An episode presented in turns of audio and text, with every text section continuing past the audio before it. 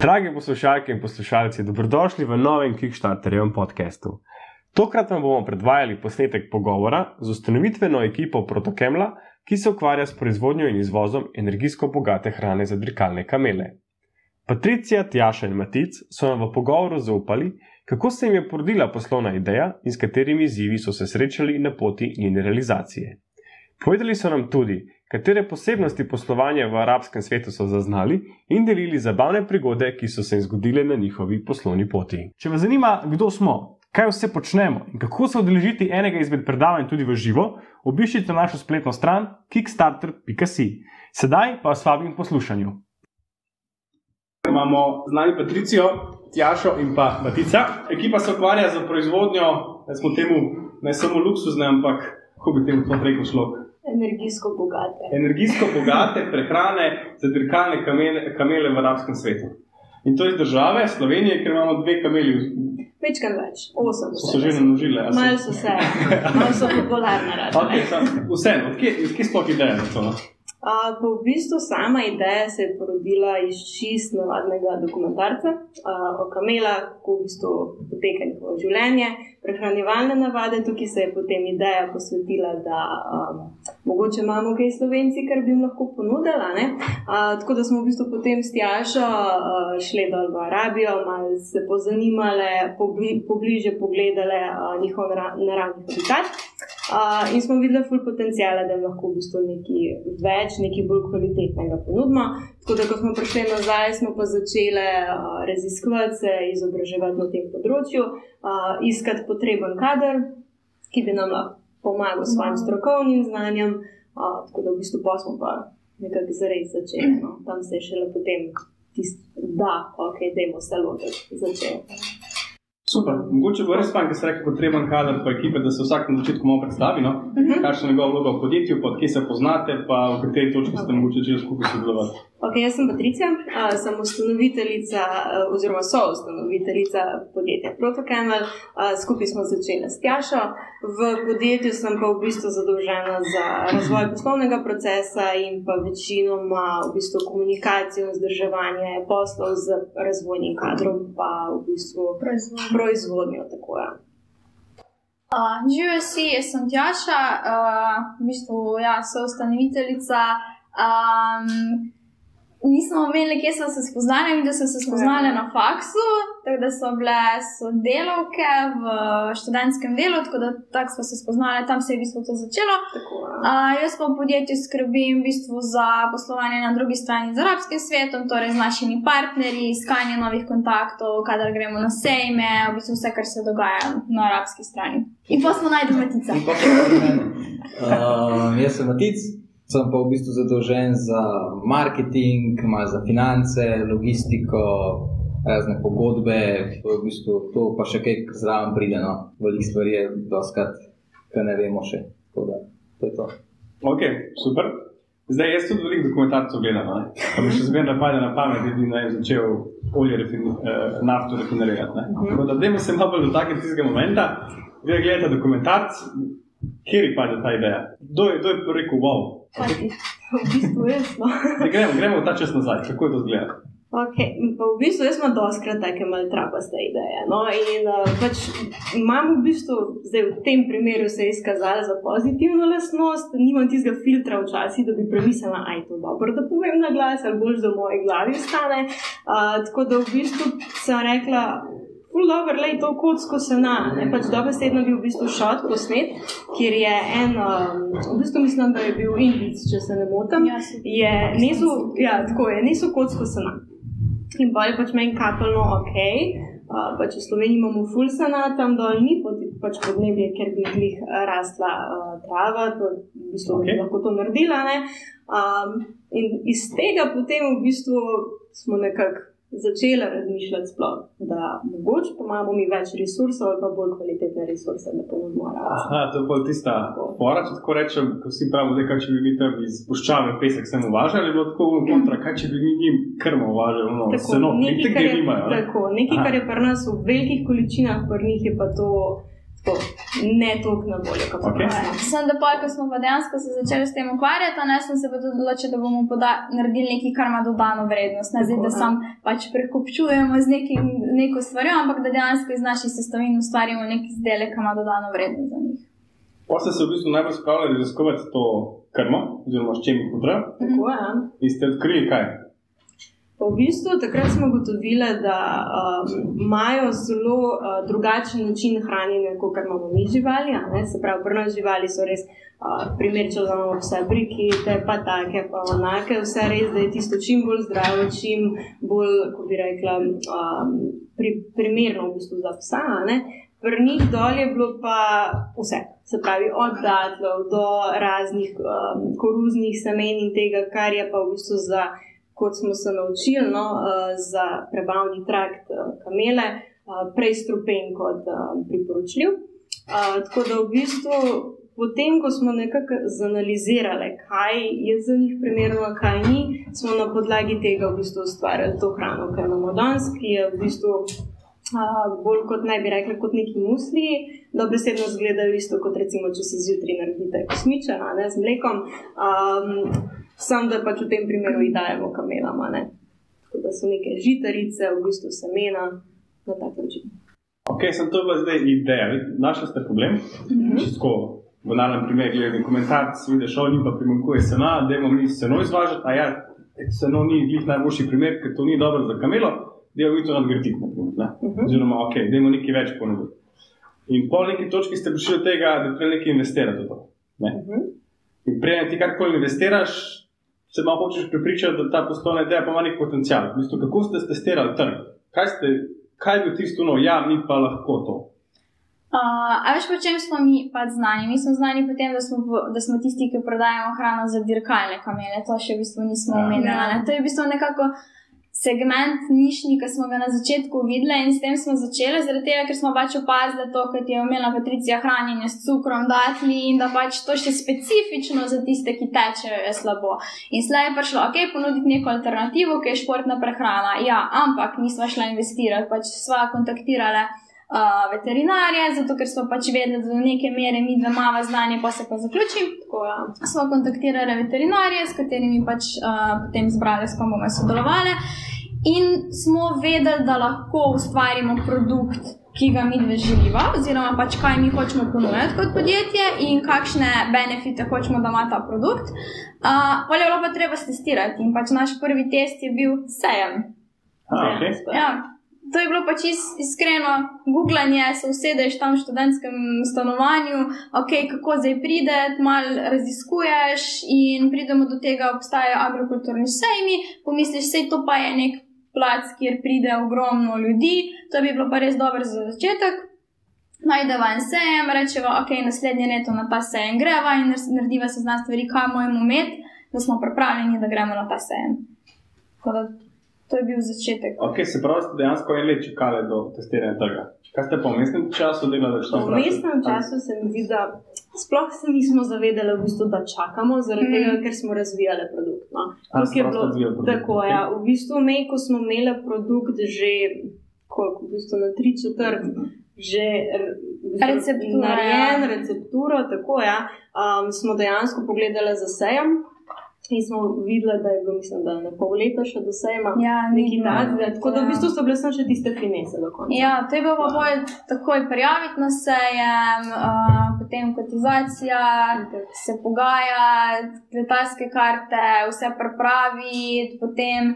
Mi takrat nismo šli predstavljati enega produkta, ampak smo šli predstavljati, uh, mislim, da je bilo tako ne 14 produktov različnih. pač naredili smo nek spektr, kaj vse bi lahko naredili, in smo šli pač probati, a ne in pol um, tudi te tiskovine, letake, vse to smo pripravljali do sejma. Uh, in tisti sejem je bil v bistvu prvi test um, našega trga. In kako smo na sejmu? Ful je bilo, pa ja, v bistvu lahko rečeš, da bilo stresno, zabavno, utrujajoče, tako ful je bilo nekih emocij. Ja, zaradi tega, v bistvu tudi dolg je bil, no, tri dni smo bili od jutra do večera skozi stan. Um, in tako je ogromno ljudi, um, nisi navajen arabske kulture. Mi smo bili prvič, mislim, tako res uno, da si res iz oči z nekom ja. tako blizu. Ja. Vsi se ti zdijo enaki, tega, ker so vsi v tistih haljah oblečeni in si ne zapomniš obrazov, enostavno. Um, tako da, ful je bilo dela, no, v glavnem, sploh ne vem, kdaj smo jedli. Tako, Sprav, smo. ja. um, tako da, po, v bistvu zadnji večer, no, sejma, ko smo v bistvu spravili stojnico in vse. Se prav spomnim, ko smo šli s Tjašo na WC in tako sem jaz samo bila zrekla, konc je. Vse sem ful vesela, da smo šli, ampak konc je, da se lahko naspimo malo. ne. Um, tako da, Realno pa tudi posebno vidiš, kako si neprepravljena na Ja. cena. Mi smo povedali ne 40 različnih cen, po mojem. A cena človeka, ne? Ja, ja tako Če pač. Tisti, ki ima bolj belo obleko. Ne, pač probavale smo, probavale smo, da so Ja. videli, kaj je ono najvišje, pa kaj je tista, Ja. a ne, kaj nočeš Aha, v biti bistvu na ste hkrati testirali tudi ceno. potem. Ceno, kaj hočejo sploh, a ne, ponuješ tam 14 produktov, na koncu začneš ponujati samo 3 produkte, na koncu priješ na to, da ponuješ samo en produkt, ker jih v Aha. bistvu skoraj samo en zanima. Tudi to je bilo, se pravi, ko ste šli na sejem, v tem mestnem času ste vi razvili kaj že 15-16 verzij produkta. pa v bistvu imeli Ne verzij. Verzij ne, ampak je bilo tako, da imeli smo tri dokončane hrane. No? Um, in smo te najbolj promovirali, imeli smo pa še različne druge stvari, sicer recepture, ne fizično produkta. Um, in potem je tako, kar vidiš, da stranka potrebuje, tisto ji pičeš, probaš prodati. Uh, in vidiš, a je pač potencial za ta produkt. ne. Tako da smo testirali teren tako iz večjih. Ok, super, a. Ja. In kakšen je bil rezultat potem, čisto z poslovnega vidika, ste že imeli kakšen dogovor, se kdo tako zainteresiral, da ste potem že kaj pošiljali ali karkoli. Pa bilo je veliko zainteresiranih, ampak jaz bi tudi rekla, na specifika arabske kulture je takšna, da vsi ti rečejo, da hočejo, pa vsi ti rečejo, da so bolj zainteresirani, dokler tu pride dejansko do nekih pogajanj, pa pa jih itak 95% odpade. Tako da takrat ni bilo nobene, nobenega nekega konkretnega uh, lida, smo pa mi tudi ugotovili. Ker takrat so bile še pripričane, da bomo končnemu uh, kupcu prodajali, torej tista oseba, ki ima kamelo, bo zdaj prišla k nam in bo kupila. Tudi ugotovili, da to pač ne bo šlo čez, niti zaradi zakonodaje, niti zaradi uh, Stroškov sami. stroškov, da Ja. pač ja, stroški pošiljanja so ogromni. In takrat je potem prišlo, ok, mi moramo imeti distributerja. In zato smo šli potem na naslednji sejem, kjer pa je bil cilj iskati distributerja in smo šli tudi predvsej bolj pripravljene na naslednji sejem. Ok, se pravi, spet ste imeli eno leto, en, eno leto obdobje. En mesec. en mesec je A, bil. ste rekli, sklen se, ok. En mesec, to pa ja. potem ne čakaš. A, ok. Ja, to je bilo pa politek, ko smo prišli takoj domov, spet. Kaj, v bistvu narediti analizo, kaj ni bilo v redu na tem sejmu. Um, Kot je Tjaša rekla, točno smo vedeli, na kateri produkt se fokusirati, na kakšen, v bistvu kakšnega človeka iščemo. Malo bolj smo tudi meci v sistem vedeli, kako bodo potekale stvari. Uh, sicer pa se je malo zalomili pri prihodu na prizorišče, ker smo Um, sicer pri sejmih je tako, en dan pred začetkom sejma ti priješ tja, da mero postaviš stojnico in vse. ne.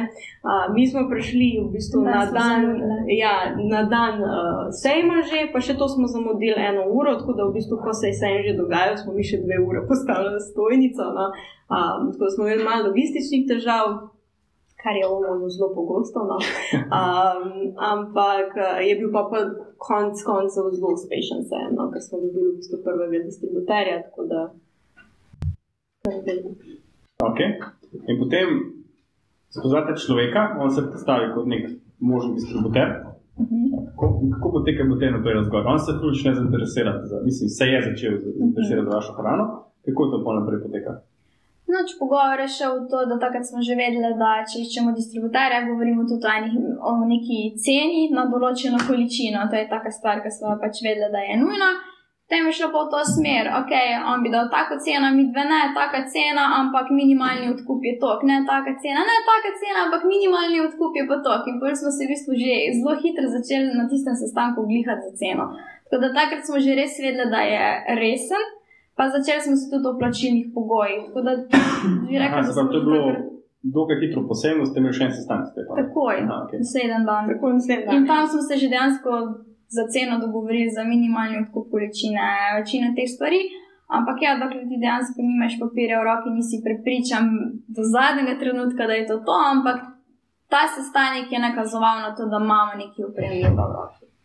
Ok. Smo potem ostali v stiku še z ene dvemi, tremi, ki so bili še dokaj zainteresirani, pa po razni Skype, potem smo prišli domov, začeli pošiljati drafte pogodb, osnutke pogodb in pa, pa ko začneš to pošiljati, pa ko pride pogodba nazaj, spremenjeni členi, pol veš, da je nekdo dejansko resen. Ok.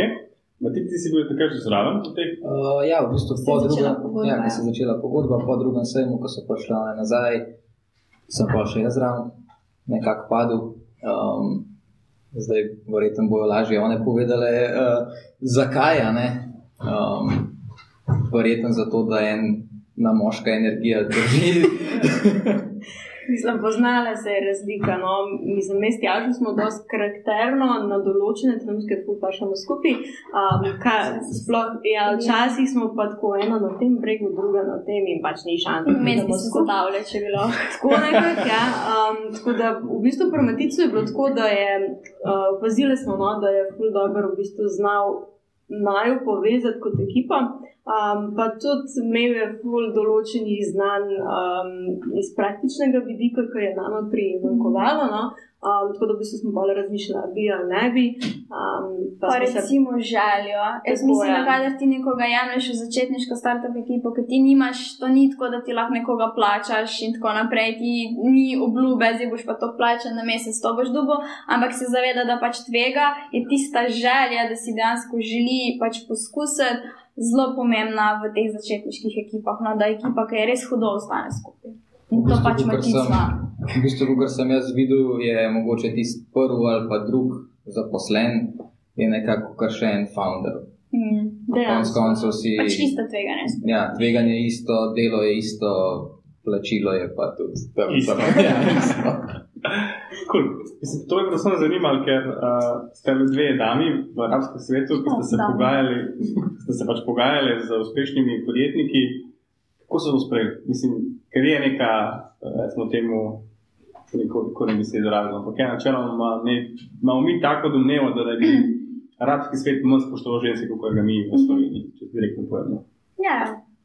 V bistvu, mislim, uh, to je ful predsodek, no? kako kar smo imeli, da se tako. Ja. Um, dejansko smo um, pričakovali tudi imeti tak odziv, ko smo šli dol, uh, ker ko smo pogledali po ostalih stolnicah, res ali je bila moška, mislim, ženska z moškim, ali pa sta dva moška. Bila, ne, sem to je bilo, uh, meni pa tam pol stave, ali tisti veliki stojnici. Um, ampak iskreno bi prej rekla, da je nek um, plus bil kot nek. Setback, zaradi tega, ker se je ful ljudi ustavilo, ful jih je zanimalo. Imeli smo stojnico, v bistvu oblečeno v slike, Eh, kar je v bistvu tudi naredilo unikatno, po mojem, tudi zahvala mm. temu gre, da bi bil veliko obiska. Ampak nikoli nismo pa zasledili, da bi kdorkoli naj ali obsojal ali se ne hotel pogovarjati. Ali podcenjeval. Tako, ja, sem zaradi tega, ker smo ženske. Tudi recimo potem um, v Koranu primer. Mi vsi mislimo, da pač ženske dol um, so v bistvu, kako bi rekla, uh, manj vredne. Tako manj vredne, Uh, ampak dejansko, ko so nam oni razložili svoj vidik, pa tudi v Koranu, kako imajo zapisano, je predvsem to, da oni tretirajo žensko kot osebo, ki um, bo naredila nasledstvo, se pravi otroke, in da moraš v bistvu na vse načine zaščititi to osebo. Zato iz tega potem izhaja tudi to, da so zakrite in zato, da pač so doma in kuhajo, zdaj pač mi imamo svoje vidike um, in nam je mogoče to malo teže sprejemljivo, njime pa to nekaj čist navadnega. Ne? Uh, tako da potem, ko smo mogoče malo spoznali to kulturo, pa videli, kako se dejansko stvari odvijajo in da ima vse nek svoj namen, uh, smo videli, da mogoče ni to hudo, mislim, tako um, močen stereotip, kot uh, ga imamo mi tukaj. Ja. Pri pogajanju so, so vas sprejeli čisto normalno. Ja. Okay. In pa, ko pišete pogodbo, uh, nek čas ste, da se sigurno dobili, katerega morate podeliti produkt. Prej ste ja. imeli mogoče kakšno žakelj, ki krmi ali to, da ste imeli. Mm -hmm. Ja, ja, pa kar naenkrat, koliko, če količina kontejner tega naredi. Ja. Je bilo malo, wow, wow. je bilo malo panike. Pa sigurno je, v ko prvič ja. delaš, um, cel proces si, mislim, vse imaš v glavi, kako boš ti spel, ampak vse realizirati pa nikoli ne gre vse, kot si si zamislil. Tle nas je pa lepo krmečka na streznilo in smo vsak svoje področje začeli pelati. No, da, um, A ste razmišljali, ok, da gremo svojo proizvodnjo postaviti, ali bomo to outsourcali, pa še Mm. štiri prednosti slabosti, ali se tako Nikoli videli. nismo v svoji proizvodnji. Tako ste razmišljali. hoteli outsourcati to. Ja, zaradi tega, ker svoje proizvodnje mi govorimo o skoraj milijonskih vložkih. Ok. Okay. In pač mi v to je bilo od začetka, da pač ne bomo šli, ne bomo se šli tega tveganja delati. Pa tudi zakaj, če imaš na drugi strani pač proizvodnje, ki imajo še kapaciteto, da to naredijo in ti greš brez tveganja v to in imaš stroške, dobesedno samo na pošiljko. Ja. Ampak ja, prva pošiljka, ki je šla čez, mislim, da je bilo kup enih. Mislim, to je bilo noro. Um, če sam pač povem, s kakšnimi stvarmi se ti začneš obadati, certificiranje, Mhm. naprimer, a ne? to je hrana. Imaš tam kar naenkrat se znajdeš pri tem, da rabiš kup enih certifikatov, nikoli prej nisi slišal za to, vse se učiš na novo. In potem imaš še uradnike, ki ne sodelujejo s tabo. Naprimer, kličeš na tri različne urade, smo klicali, Koper, Novo mesto, Ljubljana. Ja, in noben ne ve uh, točno, kako zadeva poteka, vsak ti poda neko drugačno informacijo, pa se med sabo kličejo. pa Kdo se je do- pristojen, kdo kdo je- ni pristojen. Tako, ja, kdo ima zdaj prav, pa se med sabo dogovarjajo. Ampak A- treba je bilo v bistvu izdati sam en papir, veterinarsko spričevalo, da je hrana užitna. Dovesedno to. Ja, pa v bistvu se je šlo tudi za sam izvoz, um, ki se moraš v bistvu registrirati kot um, netipič, oziroma atipični davčni zavezanec. Zaradi tega, ker moraš dobiti um, davčno številko, tisti SI v spredje, a ne, ja. torej izvozno. Um, in tudi v bistvu niso vedeli, isto smo klicali, torej Novo mesto, Ljubljana, Koper. Uh, in so nas prepričevali, da rabimo imeti svoje skladišče, potem smo mi najdel neke sodbe in zakone, tam je v enem zakonu je člen oziroma potem neka določba, ki so jo dodatno dodali, da trgovina V tranzitu. v tranzitu ne rabi imeti uh, skladišča in pol in to razlagaš njim. Ne verjamejo. Ja, ne verjamejo. Ja. Ja, in In Tako da, ja, mislim, ukvarjaš Komedija. se na koncu, uh, na koncu, če tako gledamo, smo se bolj ukvarjali z državo in njeno birokracijo, kot z dejansko pač proizvodnja se je tako le zgodila, pač Ja. kontejner je bil proizveden. Z temi papirji v zadju, pa ti gre pa toliko časa, živcev in energije, da je pač neverjetno. S tem, da ko v bistvu je bil kontejner že v Luki, ki je čakal na carinjenje, eh, dobimo klic od eh, logistične, pač, logističnega podjetja našega, da carinjenje ne gre čez, da davčna številka oziroma ta izvozna številka ne obstaja. In torej v tvoji glavi gre to čez ok, zdaj to bo trajalo še cel teden, preden bomo dobili vse papirje, preden se bo to poslali, preden bojo oni sprocesirali. Uh, in spet kličeš. Uh, V bistvu takrat smo klicali na jesenice. ja. En oddelek je bil, ko sem jaz klicala na jesenice in, in tako vsa panična. ne. Ti gre že po glavi, ok, zdaj bo eh, kontejner stal več kot pet dni v Luki. To so pač enormni zneski, potlej sploh nismo imeli še električni, mislim, o, o, hla- o, tako hladilnik smo imeli, a, tako da so še večji stroški. a in tam se je jala en gospod, ni imel pojma sploh o čem sem govorila. Jaz mu razlagam, da neko številko rabimo za izvoz. Ja, se vi to imate. Sem rekla, nimamo, če nam pač ne gre čez carinjenje. Bom vam dal jaz eno, gospod, kličem, gospod. Um, vas pokličemo nazaj, seveda ni poklicala, jo kličem čez pol ure spet, kaj se dogaja. No, tako jaz se imate carinjeno. Jaz mi ogledam. Nisem sem rekla, kako carinjeno, a ne, če pač nam niso sporočili. Ja, jaz tukaj vidim, dve minute preden sem odklicala, da je bilo carinjeno. Ne? Jaz prekinem, kličem Matica, znaga Matica, kaj se dogaja. Ne? In je v bistvu naša logistična firma potem. a, Fizično so poslali Tako, dokumente, na- pa so oni že sami carinili. Pol, tako. uh, v glavnem, V bistvu njihov, sem napaka. V glavnem, Furs nas je pozabil. Pozabili pisati. so nas Vse vpisati, smo dali, ja. ja. njim se pač ni zdelo, da to upišeš noter v sistem. Tako da, ja, to so stvari, s katerimi se pol ukvarjaš, ko imaš pošiljko na produkt, ja. poti. Okay, mislim, da lahko to zgodba, podobne zgodbe se pa ponavljajo v startup svetu. Pa lahko rečemo, da birokracija v Sloveniji ni glih na robu startupov. Ne. ja. Ne. Ampak iz vaše zgodbe, čisto kot primer, lahko zaključimo, da z malo ustrajnosti, pa z veliko živcev, uh, z veliko ustrajnosti. Ja? Ja. se da tudi to premagati. Pa predvsem moraš v bistvu biti sam tako uh, proaktiven, da si sam pogledaš in v bistvu ti njih naučiš, kaj morajo Kaj morajo delati. morajo Kaj je narediti. njihovo delo? Ja, ja. Ok, in pol, čisto v njih občutki, ko šel kontejner ven. Jaz sem jokala, v Lidlu sem bila, da sem že jokala, da sem že trgovina.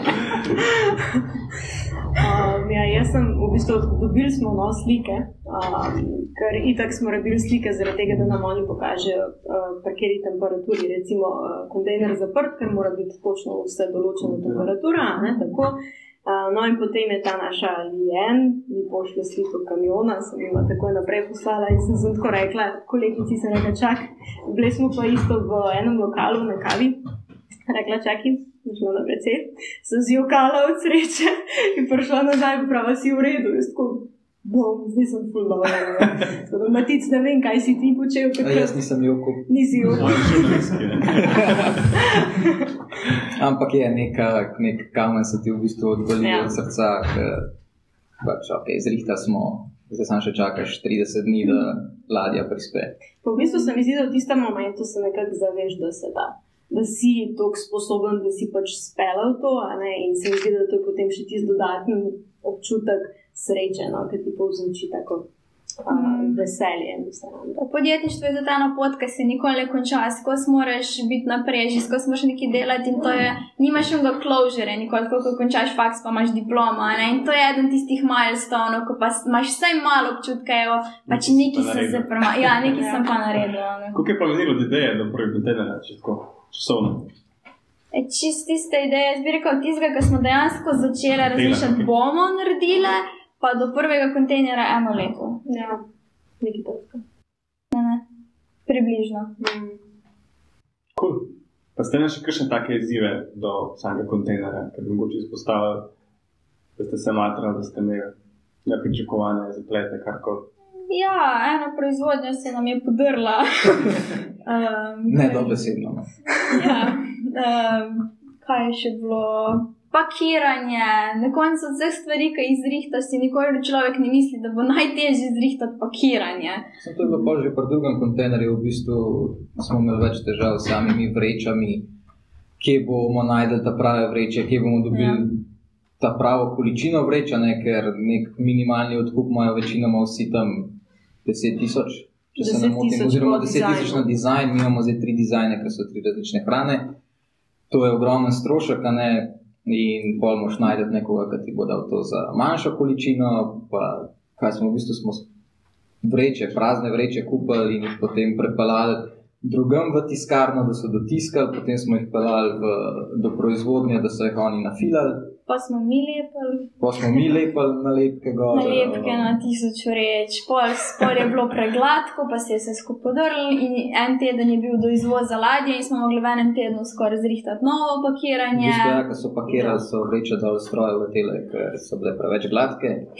Uh, Pač, ja, never ending, pač skozi ni bilo. Ne, dolg čas nam ni bilo. Sigurno, ne. Okay. Kaj pa, koliko stane ta vaša vreča hrane? Pa kakšna količina je to? Kot čisto pirno, za končnega je- uporabnika, ne za distributerja. To je 25-kilska vreča, uh, stane pa 38 evrov. Okay. In koliko teh vreč ena Ena. kamila poje v nekem obdobju? Tam eno do dve vreče, zavisno koliko hrane, načeloma. Koliko je lačno, ne? Ja, koliko je lačna, rečemo, je Pa dve, teže, pa v treninga. ja, dve na mesec, recimo. Okay. Ampak to je ena od treh hran, ki jih prodajamo. ne. Mi prodajamo trenutno tri hrane na, v, na arabskem trgu. Kaj pa sam razvoj recepture? Vem, da niste z tega poha. Kako ste se tega lotili? V bistvu smo našli, um, pol časa smo iskali no, um, nekoga, ki bi znal, nekega nutricionista uh, za živali. Um, pa v bistvu, ko smo nekako čisto na ključju naleteli no, na zdajšnjega, ki ga imamo, uh, ujeli, ful smo gledali v bistvu to, da bi dojel koncept, ki smo ga imeli, se pravi, da ni nobenih kemikalij, nobenih konzervansov, karkoli, kar bi lahko škodovalo živali. Da pač res, mislim, da samo res gre za žival, ne samo za nek profit. Um, Pa bistvu, tudi, eh, še jaz dodam, Ja. ja. tudi to, da nekdo verjame, vate, da se tega loti. Mislim, Ja. ja. ker smo mi, da potrkali na marsikajšna vrata v Sloveniji, da bomo delali hrano za drkalne kamele, pač. Ja. Odzivi so bili različni, tako da moraš tudi najti nekoga, ki te dovolj resno jemlje. ja. Mislim, da se nam je naredilo tako, ko smo koga kaj vprašali, pa to, pa, da bi mogoče kaj sodelovali, bo zmer si se hecate, ali pač, da te povedati, kaj bi res rada. ne. tako da potem ta proces dopovedati ljudem, da pač resno miselno je bil včasih tudi tako smešno. no. bi rekel, da če bi me pošle, bi se isto pojmo, če smete. Uh, Post najdel neko osebo, najbrž Mhm. podjetje ali osebo, Uh, v bistvu je tako klinika. ki je pomagala že to recepturo. Tako. A ste potem kupili te lasti, IP lastnino ali Ne, mi smo bili od začetka dogovorjeni, da smo mi lastniki, kljub temu, da nismo avtori, da je podjetje Aha. lastnik recepture.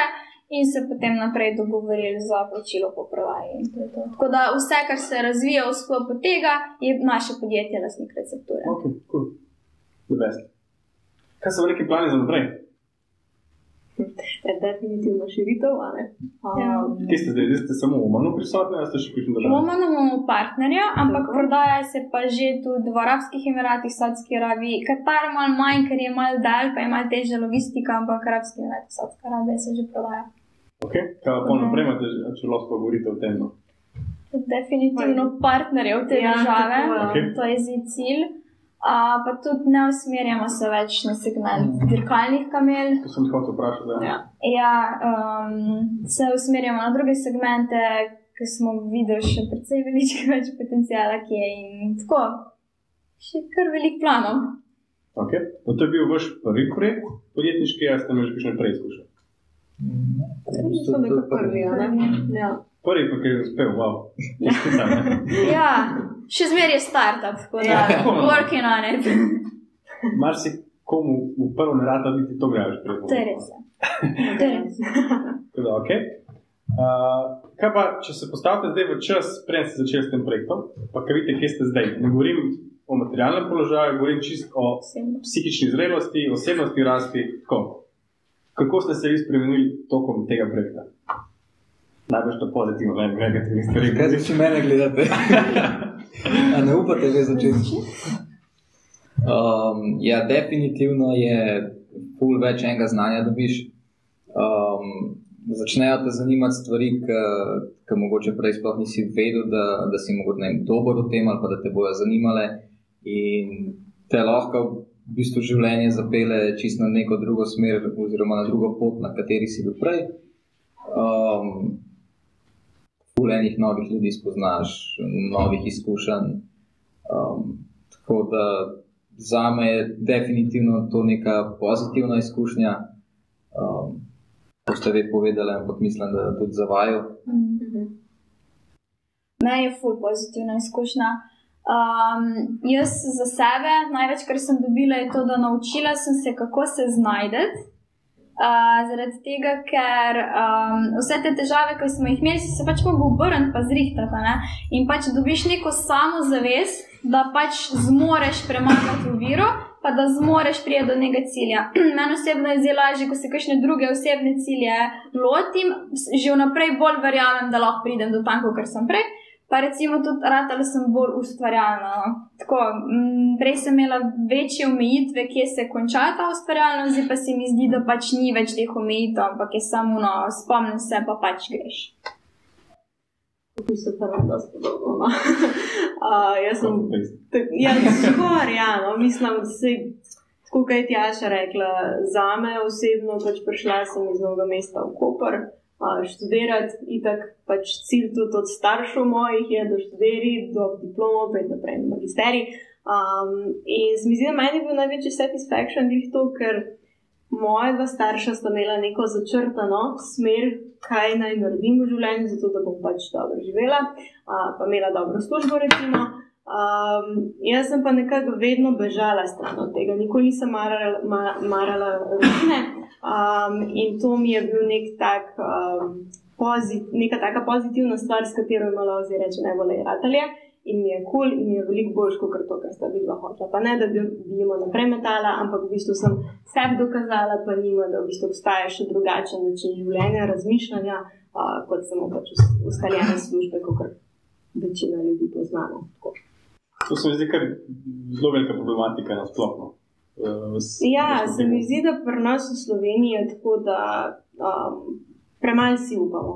To, no, uh, kot sem jaz videla, zdaj ti imaš še mogoče malo več stika z ljudmi, ampak moje mnenje je enostavno to. Preveč smo skeptični, preveč takoj, ko se nekaj spomnimo, takoj pridejo možgani, aha, ne, kaj pa če se to naredi, pa če se to naredi, pa boš mogoče tukaj denar zgubil. Ne. Um, in nas vse te stvari takoj postavijo na nek um, nazaj položaj v tistem, kjer smo in rečemo, okay, se bo v redu, se bo nekaj bolj varnega prišlo. Ne? Uh, tako da se mi zdi, da to je pri nas največji problem. Ja, pa sama družba ima nekako Ja. začrtano pot uh, za te, v bistvu. ne. Gimnazija, faks, služba, to je to. Um, in če takoj, če si nek drugačen, ki gre izven te poti, a ne si že lahko ne vem, čuden ali pa te čuden gledajo, kaj pa zdaj ti delaš, a ne, to pa ne bo nikoli uspel. Um, da ja, se, ampak se mi zdi, da, da se v Sloveniji ful začenja ta kultura startupov in inkubatorjev in tako pozitivna zadeva. Ja, pač bolj je velika razlika med generacijami naših staršev, ki je dejansko generacija, ki se je izšolala in je potem dobila službo v tisti smeri, kar se je izšolala in potem je potem dejansko delala na tem delovnem mestu do pokoja. Naprimer, ne. Današnja generacija, naša generacija pač takih služb ni več. Naša družba se tako hitro in zaradi tehnološkega napredka, startupov in vsega tako hitro spremenja, da je vse več teh freelancerskih služb, startupov, tudi znotraj podjetij se tako hitro delovna mesta spremenjajo, da pač enostavno se ne moreš več zanašati na znanje iz faksa, ampak samo in izključno na znanje, kar ga dobiš v praksi. In pač moraš si upati, ker ni, nismo več v času naših staršev. Ja, pa se v bistvu doba interneta je nekako mogoče to znanje dala javno, na voljo. uh, Ja. javno na voljo. Ja, da v bistvu, če se hočeš karkoli naučiti, če te karkoli zanima, greš na internet in dobiš knjige, je vse tam gor, uh, razni tečaji, mentori, kako lahko rečemo, sošolci. Pa če hočeš dejansko se naučiti in napredovati, internet. In sam moraš biti pa proaktiven. Jaz sem mogoče takšen še arabskega sveta, specifik poslovnega sveta v, v tem delu sveta. Kaj je tako stvar, ki vas je presenetila, tako novot? WhatsApp. Pač noč ne dajo na mail, še pogodbe ne dajo na mail, ker pač pri nas ne boš doživel, da ti je nekdo pogodbo na SMS poslal, kar WhatsApp je. a Ne? Tako da vse je prek WhatsAppa, so cela komunikacija, tako da se tudi marketing lahko dela prek WhatsAppa, te grupe so in tako naprej. Čas za delovnik, mislim, občutek za čas imajo ga, pač ob dveh zjutraj, če te rabite, kliče ob dveh zjutraj. Um, Ja, to je v bistvu objavili smo na Instagramu, smo objavili nek produkt. Ne vem, neka zadeva je šla gor, pa je bilo to ob 11. zvečer. In ob 11. zvečer je, mislim, da tebe, klical. tebe potem klical nekdo, da, da ga zanima to. Jaz sem pod tušem, ne veš, zdaj pač, a ne, um, pač nimajo občutka za čas, kaj je taka specifika. Ja, zelo se držijo tega, kar ti pač usno rečejo. Ja. Um, če se nekaj zmeniš, tako ustni dogovor kot pisni dogovor. velja. Pa so polki težili, ko so se skočili, gledali, ste vi pogodba, pogodba. Ne, vse te formalne večje stvari jim je logično, da je pogodba. Ampak najprej se ti zmeniš ustno in pa li tako pričakujejo, da bo v pogodbi isto, ne da boš ti zdaj poslal neke druge stvari. a Ne? In to je pa zgolj formalnost, ampak se pa prej moraš vse zmeniti. Pa kje v sodišče bila, da je prisotno v pogodbi? Pristojno. Pristojno, ja, sorry. Ja. Ja, ne, Mirabel, to ni, a so se kaj zapičali v to? Ne, v to se Ne. res nisem. Smo bili kar veseli, da se niso. Okay. Uh, kaj pa ta dis- distributer? Vi ste, kako ste z glede marketinga z njim zmenjeni? Kdo, kdo skrbi za marketing izdelka? Mm, v bistvu on dela na nek svoj način marketing, ampak um, recimo sam digitalni marketing, eh, če primerjamo zdaj Slovenijo oziroma Evropo z njihovim svetom, so oni recimo ene 5-6 let nazaj. Kar pomeni, da se mi v bistvu trudimo delati z naše strani, da je digitalni marketing, pa providati neke kontent, slike, video posnetke, te zadeve, on jih potem deli na, kot je še prej rekla, na teh WhatsApp grupih, uh, probajo kaj prevesti, zaradi tega, ker vse en angliščina za naše stranke, Končne, končne. končne stranke, a ne Končne, končne sploh ne pride poštevati. Ja, Um, je v bistvu tako, no, nekateri znajo, ampak dost smo videli, da jih je v bistvu nepismenih še. Um, tako da oni potem prevajajo v, v arabščino. Um, ampak vseeno, tako kot sem rekel, to je bolj, bolj na naši strani, ker se še ne zastopijo, da ne začnemo v kakšni customer segmentation ali pa takih zadevah, uh, se čisto izgubijo. Oni so še zmeraj hands-on, uh, on ve, kar vidi, ne ve pa, zakaj se ne, ta stvar se mu je tako odvila ali pa zakaj je ta stranka kupila. ne. Jaz sem slišal tudi, da ima da reče to, kako je to resno, da ima več produkt tudi neke stranske učinke, ki pa so pozitivni. A je to zdaj govoriš na tisto Viagro? Ja, mislim, da je to povedati. Pač spodbuja plodnost, no. Tudi, ja. V bistvu ta produkt nam je prišel na pamet, ker smo bili pri um, tem le uh, Sultanu Kabusu. Um, in so nam pač- zdaj. Ja, pokojnemu zdaj že žal. Ja. Um, v bistvu, ko smo bili tam na obisku, smo predstavljali hrano in vse. Um, in so nas pač tako čist ponižno vprašali, če imamo v bistvu kak produkt, ki bi uh, povečeval um, plodnost pri samcih, ker imajo ful težave s tem, zato da bi se v bistvu geni dobrih samcev prenašali naprej. a ne. Um, tako da mi smo prišli nazaj, pa naredili. tako da Bučna semena, fanti. Ok. Uh, Nekaj se hoče vprašati, pa sem čisto pozabil. Ja, še eno zgodbo sem slišal, uh, isto tako zelo zanimivo, no, scary, no, ko ste se nekaj zapeljali. A ja, ono. a to se še Ja, pa videla. Ja. Ja, to je pa naš distributer v bistvu nam uredil, ja, še to, sestanki, a na njihovi sestanki. Zrihtati sestanek ob 11. zvečer, neka taka banalna ura. Uh, in nas pride pobrati v hotel, uh, Patricija je zaradi zdravstvenih težav pač ostala, tako da smo šla z Maticem. Uh, in se peljemo, peljemo po noč, in on kar naenkrat zavije dol iz glavne ceste v puščavo, nobenih luči, nobenih stav, noč mi, da se tako malo pogledamo, ok, v redu je, prepusti se. Smo Uh, se drugič videli. ja, moramo skari. Ampak prepustiš se, ker so načeloma full nice ljudje. Uh, in se peljemo, in pa se kar naenkrat um, ustavi, in tam kar ne vem, 4-5 avtov, teh jeepov, reflektorji, vržejo na tla um, Take deke. neke preproge, hrano in tako jaz, matic in 15 rabcev, in pač se greva predstaviti, no, no, no zdaj pa predstavita. ne. Tako da ja, tam sem potem. Pa pred- samo on v bistvu naš distributer je govoril angliško. En je še mečkan, ja. Ja. Tako da je bolje v bistvu prevajal, neki smo mahali, predstavljali, jedli tisto hrano, probavali, vohali. V glavnem dobro je šlo čisto. Tako da po tistem smo Čau, Marko. podpisali pogodbo, tako da očitno nismo slabo. Cool. Šla sta dve zjutraj domov. A ti si počakala, ok. A, ne, nisem mogla spati zaradi zdravstvenih težav. tako da. Ma malo, ker tam ne moreš kar napisati SMS-a. Rekla v puščavi, hengela. Spomnim, da sta imela signal tam. Mm. Če mu publika mogoče kakšno vprašanje. Karkoli. Mogoče jaz, eh, recimo ta patent, pomate, ne, vi ste, pravi, vi ste šli do neke klinike, eh, tam, kaj ste se dogovorili, mi, mi imamo nek produkt, mi iščemo nek izdelek, vi to razvijete, eh, se pravi, kako pa se dogovorili, mi vam damo neke procente, kako je pa potem za to lastnino, se pravi, vi imate patent, ali nimate, recimo Coca-Cola nikoli ni razkrila njihovega, bi rekel, skrivne Torej, sestavine. nima pa patenta. Coca-Cola ni razkrila nikoli Patent, skrivne. ja. Ja, vi, imate, vi imate patent vsak v bistvu kaj je. Coca-Cola nima patenta. Je. Coca-Cola ima zaščiteno samo recepturo, Samo- tako da je noben ne vidi, razen tisti, Wow. je. Tako je. Ne, tudi mi nimamo patenta, zaradi tega, ker v prehrani je tako, da ti lahko zelo malo spremeniš, Tako je. pa je to že nekaj drugega in se enostavno ne splača.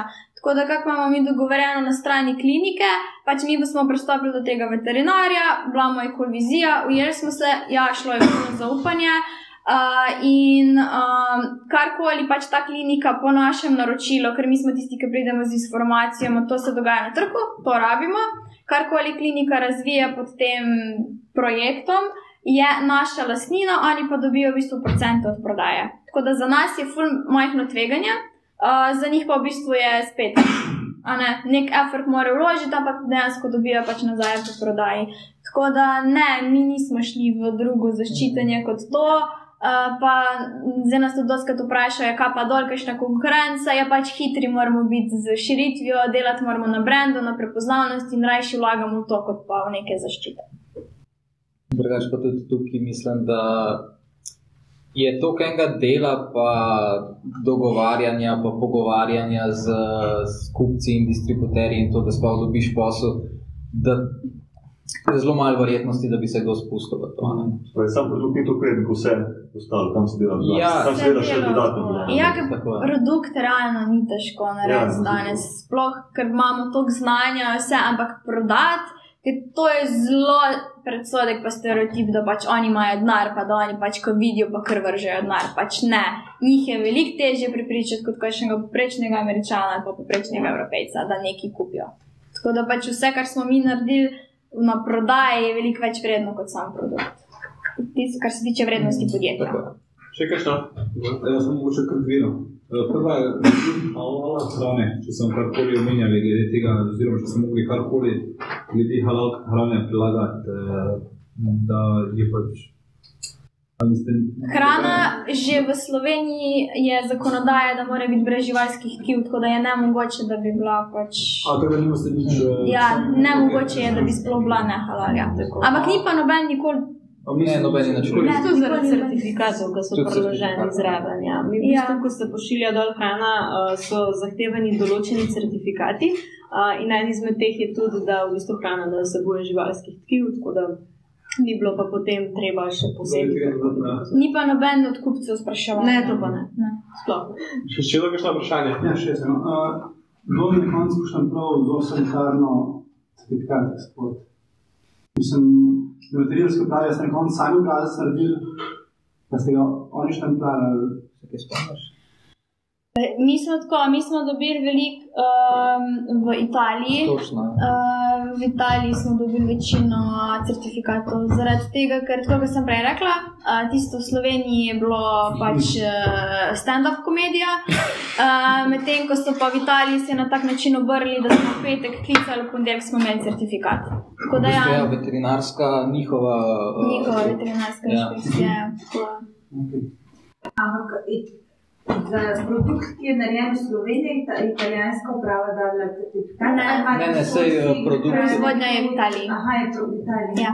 Sam smo hoteli certificirati vse v Sloveniji, ampak Nismo. komedija. Ti se je bilo dosti lažje, ker so v bistvu ta partner je dejansko dosti certifikatov imajo, ker je že sama proizvodnja um, tako certificirana, da, da hrana, ne, mislim, da za živalska tkiva, tkiva nismo rabili. Um, Pač zakonodaja je drugačna. Če imaš že sama ja. proizvodnja poseb certifikat, da nima živalskih tkiv, je logično, da to bo tudi hrana, ki pride ven, nima Tako živalskih tkiv, medtem ko pa v Sloveniji hoče pa za vsak centimeter analizo. No. Tako da ja, pač komplikacije, slovenska birokracija proti njihovi je dan pa noč. Še kakšno vprašanje? V, kateri fazi ste pa ustanovili pač podjetje, ste prej začeli s popoldanskim SP-jem, ali ste dobili distributerja, ali že prej ste šli na seje? V bistvu. Tik pred sejmom. Tik pred sejmom, jaz Del. smo direkt del odprli, ker je v bistvu najbolj optimalen za poslovanje na v bistvu tretjem svetu, ja, države tretjega sveta, um, ker zdaj spejem pač ni opcije, no, da bi tam kakorkoli lahko Tako dejavnost. tako dejavnost delal. Ja. Um, tveganje. tako je. Cool. Se vrnemo pa še na koncu na vprašanje publike. Da se danes še, da se danes še imeti mene par idej. No. Sicer ne, jaz pa zanimam, koliko stane en dirkalna kamela, v, v, če slučajno sta podatki. To najbolj ni pocen šport. Uf, ne. Odvisno, koliko je dobra. Ja, odvisno, koliko je dobra. Kaj, koliko je bila? Ok, pač ja, par deset tisoč evrov so kamele, ne? zdaj pa če govorimo, neki, koliko je bila najviše zabeležena prodaja. Ja, ampak to je bilo za lepotno kamelo. A Ja, Ja, tudi to imajo. Ja, imajo tudi lepotno tekmovanje kamel. Um, A je to nek nov produkt, ne, v bistvu. To je bil product, product market fit, je Ja. dal vedeti, da naš produkt je tudi dober za, tudi za ta segment. Ja, da, ja. A, v bistvu najdražja ta- kamela, ki je zmagala na lepotnem tekmovanju, je bila 30 milijonov Ja. dolarjev. Um, zato so v bistvu prodali. Um, mislim, da je šla pa še i kupovati v roke, še i v Dubaja. Um, ali Tumu, ne? Mm. Ja. Ampak ja, zmagovalni so par milijonov, tako pač. Več kot. Tako, ja. Pač v bistvu v tem dirkalnem svetu je tako, nam se zdi ful, veliki, ful velike vsote, ampak um, če se, mislim, tisti, ki se res profesionalno s tem ukvarjajo, vlagajo velike denarje noter, ker je nek status, se mi zdi, da dobijo s tem, sploh če kamela zmaga, ne, um, in res hoče pač biti pozicionirani visoko na takem pač športu, a To ne. je nek šport, ki ga ljudi tudi spremlja, tako kot bi rekel, pri nas futbol, ali je to pač nek, nek odstotek ljudi pač to spremlja to je to. Je drugače, ful, mislim, ne vem, če ste kdaj videli, kako izgleda no, kamelja dirka, ampak to je tako, kot recimo, če si predstavljate nek hipodrom pri nas, prav v krogu, um, tam kamele tečejo. Um, okol hipodroma je pa cesta, kjer so v bistvu vsak lastnik svoje kamele pelje v avto uh, in ima v roki voki-toki, um, čez katerega v bistvu pije na kamelo. Kamela ima pa na hrbtu tacga džokija, robotka, um, ki ima noter zvočnik in kamela pa sliši lastnike skozi ta zvočnik. Pa še ono, eno tako Pa palčko ima. palčko ima, ki tudi ono v avtu pritiska na nek gumb in se tista palčka vrti, zato da pač kamelo udara, da pospeš. Um, tako da v bistvu to je ful zanimivo za videti. No? Um, predvsem to, ker pač jaz ne vem, kako jim rata, da se tam pele 30-40 džipov, ker pač tam imajo vsi velike ne, da se pač ne zabijajo med sabo. Noter, ker mora in voziti, in tist pritiska, in pit, ja, mislim. Pa včasih ima še kdo kakšnega reporterja zraven, ki se dere najbolj, kot se lahko, ker pač imajo na radijskih postajah naštimano, a ne, da slišijo, kje je, kje je kamela. Tako da cel džungl smo. um, tako da tudi za gledalce sicer imajo tribune, ampak so tako na določenih pozicijah. a ne. Um, Stavijo pa ne, ne, ker to mislim, da bo. To pa Ne, stave so prepovedane, imajo pa mislim, da so nam razlagali, so nam za tele uh, lepotne. Ja. Ja. Mislim, da je tudi pri dirkalnih tako, da se še pred dirko oziroma pred eventom, ki zbirajo, kera bo uh, najlepša. Um, je, je neka, ne vem, kar nek sejem ali tako in si ogledujejo in lahko pol trgujejo v bistvu s kamelami med sabo, um, da, da zamenjajo. Ja, a da ne, imaš špekulirajo, Ja, kje bi špekulirajo bila. in Vidijo, da je tista le najhitrejša na prejšnji dirki, bila pa je kup pol od njega in pol je njegova, pa bo ona zdaj dirkala za njega in Preprodajajo. preprodajajo, preden se začne. No, Tako da ni glih stava, ampak imajo pa neke vrste, ja, v bistvu služijo s tem. Špekuliranje. Tako, ja. Tako, ja. Kaj pa uh, odnos z, z proizvajalcem v Italiji, kako je to potekalo? V bistvu mi smo jim sam poslali mail, da iščemo proizvajalca, da smo v bistvu dobili par, par priporočil, šli na sestanek, um, povedali našo vizijo, kaj bi radi dosegli. Oni so povedali svoje strani, v bistvu, kakšne kapacitete imajo, uh, koliko nam lahko samega produkta zagotovijo. Pa smo šli v bistvu čez recepture, če lahko sploh to proizvedejo, a imajo vse uh, sestavine. a ne. Um, tako da Potem je šlo pa spet, a bojo verjeli v nas, da pač bomo nekaj naročila. Ne? Um, in na koncu v bistvu smo dobili eno um, gospod Lijen, uh, ki sem jaz tako zelo presenečena. To je ena gospa 40 stara, neki tacga. Uh, govori proaktivno, Ja, proaktivno. proaktivna, abnormalno, ja, govori tekoče angliško, tekoče nemško, kar ni glih tipično spet za italijane. ne. Um, tako da, ful recimo vejo že v samem procesu, kako, katere papirje bi rabili, tako da smo nam tudi malo tukaj časa prešparali, pa živcev. Um, da, no, potem pa itak. Samo vzdrževanje odnosa je pa konstantno, na dnevni, tedenski bazi, maili. Uh, tudi, recimo, če je neko obdobje, ko se ne pošilja kontejnerja, pač vprašamo, kako so, a je vse kul, cool, kaj rabijo, ali mi kaj rabimo. Tako da, v bistvu, moraš biti no, s takim partnerjem, ki si v bistvu delno odvisen od njega, no, uh, moraš vzdrževati dobre odnose. Ne, tak. Recimo, da biti, ne?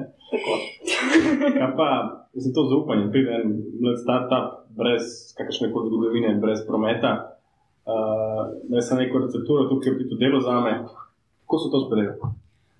Veš, oni nimajo kaj izgubiti, če tako gledaš. Ti prideš tam, veš, da imaš podpisano pogodbo, veš, da se bo naročilo zgodilo. Vse, kar morajo oni narediti, da svoje proizvodnje, ki itak že delajo, pač to si v bistvu njim nov kupec. Tako oni bojo sam pač povečali svoj promet in nimajo praktično kaj izgubiti. Ti si prišel z naročilom, oni bojo naredili denar, bojo dobili in to je to. In pač ja, oni valjda, da so takrat, ko smo že tako imeli pogodbo, so pač rekli ja. Pa ko smo pa začeli delati, smo se pa itak spoznali, odnosi so bili super, oni so nam ful pomagali, videli so, da smo resni in mislim, da delamo, res sodelujemo fantastično. Kaj pa zaščita recepture, kako se tega lotili? Vsi doma.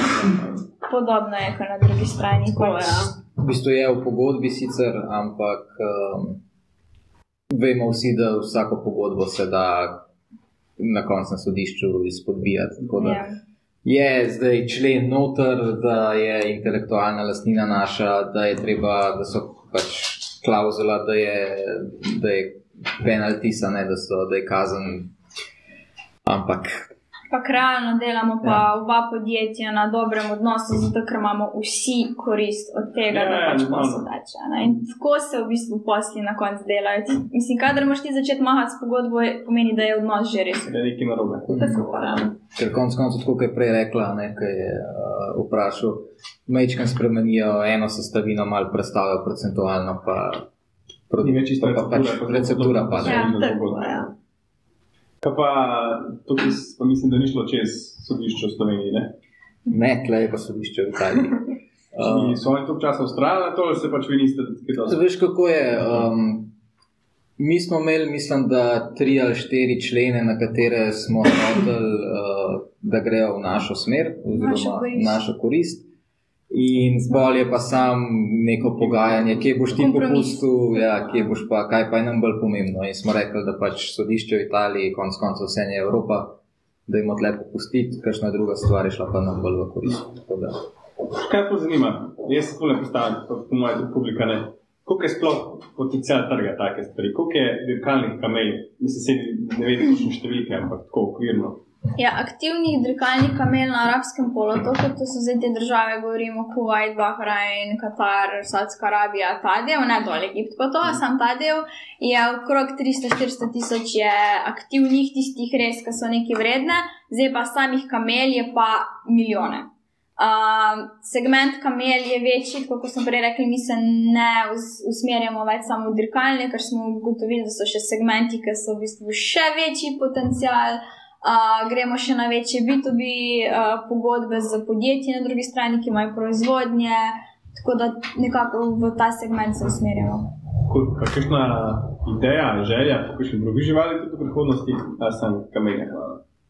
Niti ne. Zato se zdaj tudi tako čudno rekel sam, mislim, Ja. velika, ne. Sam, Niti ne, Ne, mislim, vse pomislimo, sam Ja. imamo trenutno res začrtano, kaj vse je treba še tukaj narediti, da če zdaj razpršimo fokus, se bomo zgubili. Ja, v bistvu je toliko segmentov tukaj, da, da lahko imamo za kar en čas dela. Kaj? Da pridemo posod. Torej, tekmovalne, lepotne, Potne, za mleko. za meso, Plodnost. za plodnost. Evo. Kamelj, kot rečeš. Ja. Cool. A pa tako, a sedaj pomislil v neki točki, po, uh, ko si bodo lahko prvoščili, da bi eno kamelo si za domov kupil. V bistvu sam čakamo, kdaj nam jo bojo podarili. ja, to je to. In A pa to vem. Kam jo bomo dali? Ja. kam jo bomo dali. Čeprav je v planu zika. Sam, Skoraj, ja. Vemo, da se večja možnost, kot ja. bi si, Želeli v bistvu. ja, bi si želeli. Ja. da stane bolj važnega otroka. Mam, jaz sem dugo, ne, se pogovarjajo otroci v vrtu, jaz sem dugo kuška, jaz pa kamel. Uh, jaz sem zdaj počasi zaključil s tem uradnim delom, pa bomo šli še na publiko, ampak za zaključne misli v prostoru, ker imamo tukaj je par mladih uh, srednješolcev, ki razmišljajo o poti podjetništva, pa mogoče vsak neko spodbudno misel, pa zakaj mislijo, da je to fajn. Tako, če bi se govoril v teh srednješolskih letih, čisto odkrito. Okay, moje je to, ker sem v bistvu sama sebe prepričevala, pa nisem dobila v bistvu podpore drugih. Uh, je to, da ko sem pač začutila, da je to ta ideja, um, sem vedela, da lahko o tem govorim samo s Tjašo, uh, ker noben drug ni razumel tega. Pa pač ne vem, se mi zdi, da ti šesti čut dejansko je takrat najbolj bil izpostavljen in me je skozi prepričoval, ja, Patricija, kulje, lote tega, najti nekoga, lote se skupaj s Tjašo, uh, najti nekoga za tim, pa to naprej. Um, in po mojem, takrat, če ne bi imela Tjaša, no, pač se ne bi lotila tega, zaradi tega, ker vsem um, sem rabila neko podporo. No? Uh, in če pač slučajno kdorkoli od vas nima podpore ali staršev ali družine, pa da veste sami presepno, uh, da je to to, potem se definitivno lote, ker na koncu dneva se mi zdi, da je najbolj pomembno to, da si iskren sam do sebe in da v bistvu narediš te stvari. Uh, katere si si zamislil, ker se jih ne spomniš za brez veze. Um, Až ko si prej rekel, uh, ideja, ne, da ne priješ na take ideje, da greš dokumentarc o vem, olju, vem, nafti. V bistvu ni res, vsi pridemo vsak dan na neke ideje. In zakaj se te ideje ne zgodijo? Recimo, jaz zase vem, da imaš ti eno idejo, pa pol vidiš eno vizijo, jo vidiš tisto veliko, tam, kjer bi mogoče bilo podjetje čez 40 let in se ustrašiš. Zaradi tega, ker pač ne vidiš korakov do tam. In enostavno vse, kar je veliko je začel z nekim zelo mehkim korakom, kot je poslati en mail enemu veterinarju, hej, a bi lahko mi to skupaj.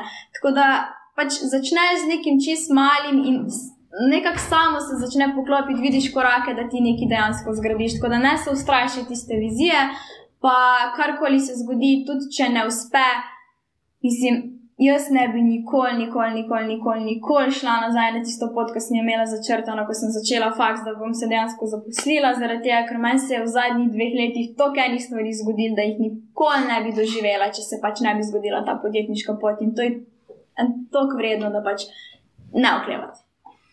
Okay. Um, ja, jaz, povem, že prej sem omenil o tem znanju. Um, tako da, kar se mene tiče osebno, se mi zdi, da um, berete čim več uh, različne, ne se usmeriti na, na samo eno, en spektr uh, knjig, ampak uh, čim več stvari iz različnih uh, tematik, in se vam bojo začele odpirati v bistvu ideje. Um, mislim, da Elon Musk uh, je tako prišel na vse te svoje ideje. Um, vidiš neke povezave, ki jih prej nikoli nisi. Um, in kot sem rekel, znanja je na svetu, full knjig imate na internetu.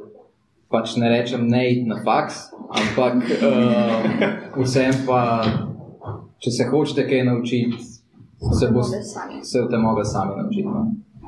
Tako da, to je cool. to proaktivnost v učenju. Cool. Hvala, to je vprašanje publike. Zavarovanje pošiljke. Ja. A ste jih zavarovali ali tako pač prek distributerja? Ali...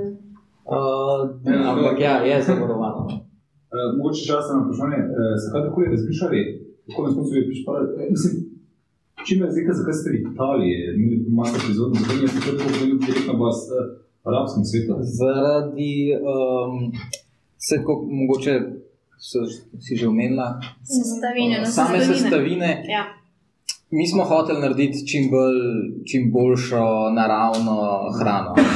In zdaj tam je vse, kar si je sestavin, je neko voz iz Kitajske, Pakistan. Pakistana, Indije in to je vse neki suho, nima nobene energijske vrednosti. Um, in kot smo rekli, Slovenija ali pa Italija, oziroma pač ta del Evrope. Ja, če hočeš ti biti premium brand, moraš sekati ven. Ko ti primeš njihovo hrano in našo hrano, prvič vidiš, da je bolj vlažna, da ima pač več vsebnosti, drugič povohaš, ne normalna razlika, tretjič ti lahko dejansko pač poješ in je okusna. In pač moraš biti drugačen. In ja, valjda, cena je višja zaradi tega, ampak je pač to tudi premium brand. Zdaj pa, da bomo mi delali nekaj iz Pakistana, spet zgubili smo dodano vrednost. Ja, mogoče bomo na, na začetku zaslužili več, ampak na dolgi rok pa brenda ne moreš graditi na tem. Zdaj, dražje bi pa bilo, recimo, da bi pa tam imeli proizvodnjo, pa da mi vse sestavine kaj uvažamo. Ne. Nismo pa tudi, nismo pa več. tudi nič naredili. Ja. Drage poslušalke in poslušalci, to je bilo vse za danes. Vabim vas, da nas všečkate tudi na naši Facebook strani Coworking Kamnik in pa da se nam pridružite v Kickstarterju na kakšnem izmed prihajajočih se dogodkov. Hvala za poslušanje, to je bil vaš Kickstarter.